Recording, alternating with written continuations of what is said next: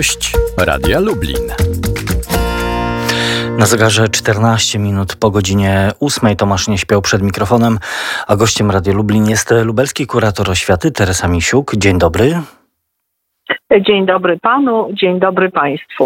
Od poniedziałku e, do 25 marca wszystkie szkoły w kraju są e, zamknięte, nie odbywają się w nich e, zajęcia, lekcje, choć nauczyciele mają być w gotowości i są w gotowości do pracy.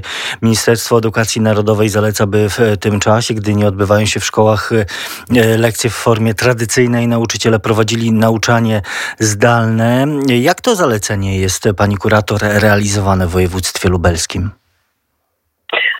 Rzeczywiście, proszę Państwa, mamy wszyscy bardzo wyjątkowy czas, bardzo wyjątkową sytuację, z którą e, w takiej skali jeszcze nie mieliśmy do czynienia. Placówki, szkoły, przedszkola, placówki oświatowe nie funkcjonują, ale bardzo mocno podkreślamy, że nie są to dwa tygodnie E, wolne od wszelkich zajęć szkolnych, bowiem po prostu zwyczajnie tego czasu szkoda. Stąd zachęcamy do zdalnych stosowania zdalnych form pracy mm, z uczniami.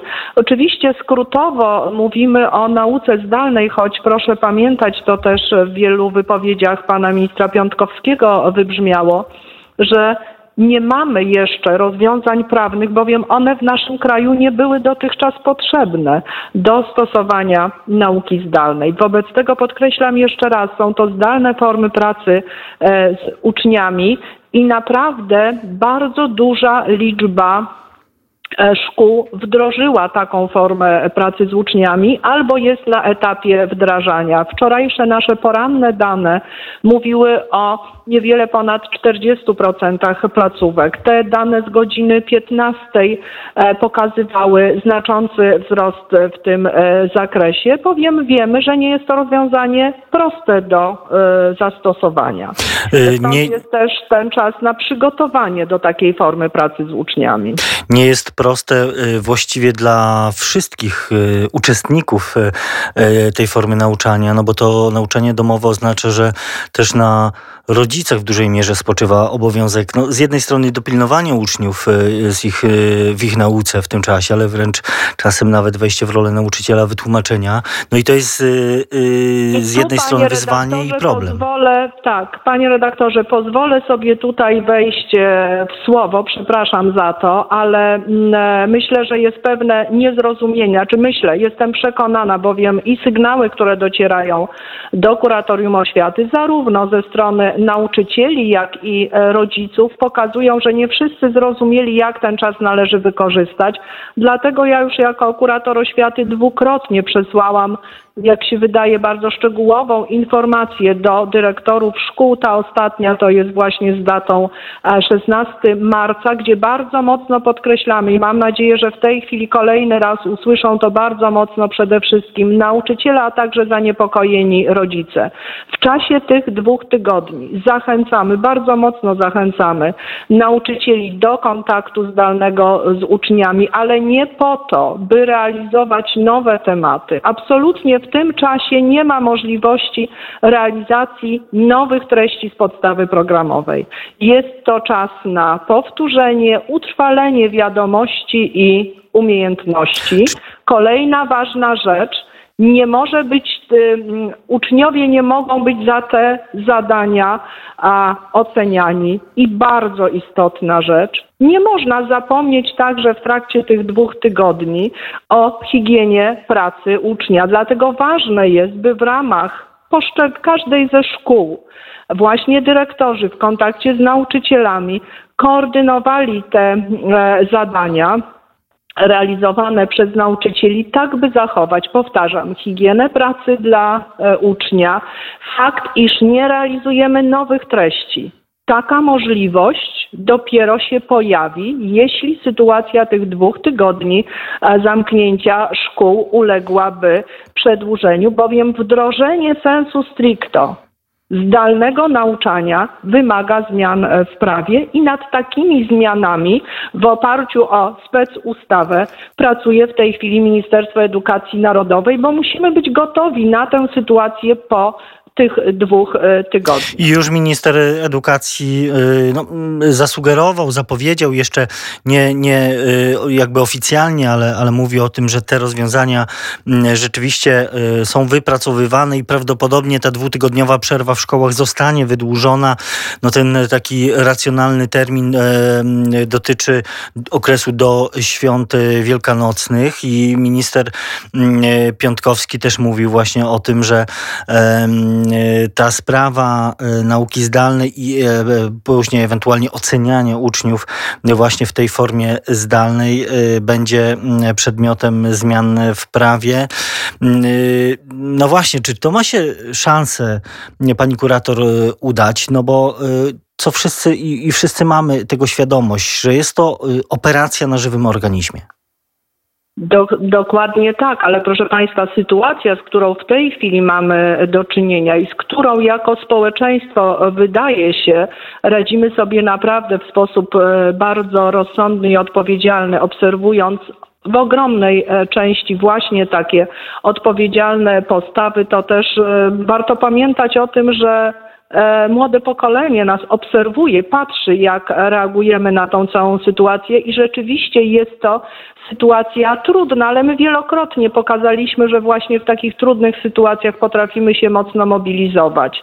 Rzeczywiście, gdyby te dwa tygodnie okazały się niewystarczające, a przecież wiemy, że decydować o tym będą bieżące informacje, bo kwestie bezpieczeństwa, zdrowia, nie tylko młodego pokolenia, ale całości społeczeństwa mają tutaj e, charakter e, priorytetowy. Specustawa wyposażyła ministra edukacji narodowej w możliwość e, wydania nowych rozporządzeń, zresztą stąd to rozporządzenie z 11 marca i w tej chwili w ministerstwie, dmuchając troszkę na, na zimne, jak mówi stare polskie przysłowie, przygotowywane są rozwiązania, by ewentualnie po tych dwóch tygodniach wdrożyć zdalną pracę. Dlatego w tej chwili kontaktujemy się bezpośrednio z dyrektorami szkół. Dziś będzie e, kolejny taki moment. Będziemy zbierali informacje, w jaki sposób są gotowi do wdrożenia takich zdalnych form pracy. Proszę pamiętać, że mamy zintegrowaną platformę edukacyjną, że w ramach programu rządowego Aktywna Tablica szkoły zostały wyposażone stosowne narzędzia. Oczywiście mamy świadomość, że e, tak samo nie stało się po stronie e, uczniów, co jest oczywiste i musimy też mieć tę pełną informację, która z form, bowiem będzie tutaj, będą różne możliwości do wyboru, tu bardzo istotną rolę będzie mogła spełnić, już właściwie spełnia telewizja publiczna, przygotowując E, programy e, o charakterze e, edukacyjnym i wiem, że są plany rozwoju takiej formy współpracy z mediami publicznymi. Pani kurata, ale to, to z jednej strony przygotowanie szkół i, i, i, tych rozwiązań systemowych, z drugiej strony no, pewnie dotyczy tyl, tylko niewielkiej części uczniów i rodzin w Polsce czy w województwie lubelskim, ale jednak pewnie znajdą się i tacy uczniowie, którzy nie mają mają komputera, nie mają dostępu do internetu, e, więc e, z tą nauką... Panie redaktorze, właśnie po to jest w tej chwili ten e, czas, byśmy mogli dokładnie zebrać informacje i zaproponować takie formy, które będą możliwe do zastosowania w odniesieniu do wszystkich uczniów, uwzględniając także ich specyficzne potrzeby, czego jesteśmy bardzo mocno świadomi. I myślę, że poczekajmy spokojnie. Każdy pomysł w tym zakresie jest e, bardzo, bardzo e, istotny. Oczywiście nauka zdalna nie może absolutnie nikogo, e, nikogo wykluczać. Proszę też pamiętać, że nie mamy do czynienia z taką sytuacją, że każde wyjście z domu, każdy kontakt z drugą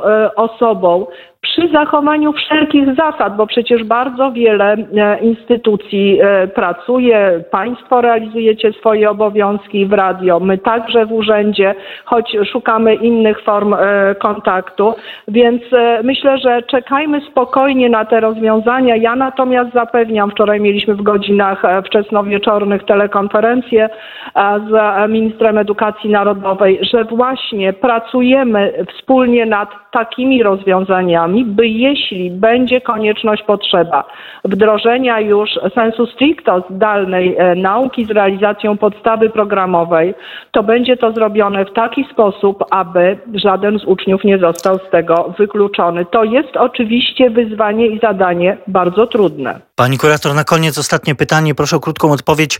Co z kalendarzem e, tego roku szkolnego? No bo pod znakiem zapytania stoją egzaminy, matury, nie mówiąc już o egzaminach próbnych, które też przecież są ważnym sprawdzianem dla z jednej strony szkół i samych uczniów.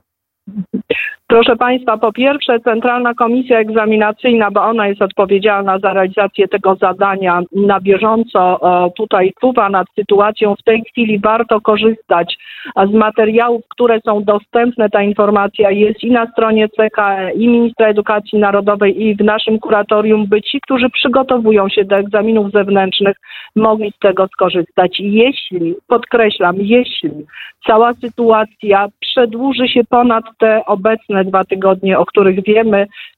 Proszę spokojnie czekać, będą to decyzje podejmowane przez ministra edukacji narodowej. E, pewnie będzie to też e, decyzja konsultowana w ramach rządu jako e, całości. I oczywiście ten wariant przełożeniem, e, ze zmianą terminów, może w ten sposób, zmianą terminów e, egzaminów e, zapewne jest realizowany. I powtarzam, jeśli będzie to przedłużenie, będą wypracowywane w tym zakresie rozwiązania. Będziemy oczywiście na ten temat mówić na bieżąco, będziemy do tematu wracać. Tymczasem bardzo dziękuję za rozmowę. Lubelski kurator oświaty Teresa Misiuk była gościem Radia Lublin. Bardzo dziękuję. Dziękuję i życzę wszystkim Państwu zdrowia i spokoju. Tomasz nie śpiał do usłyszenia.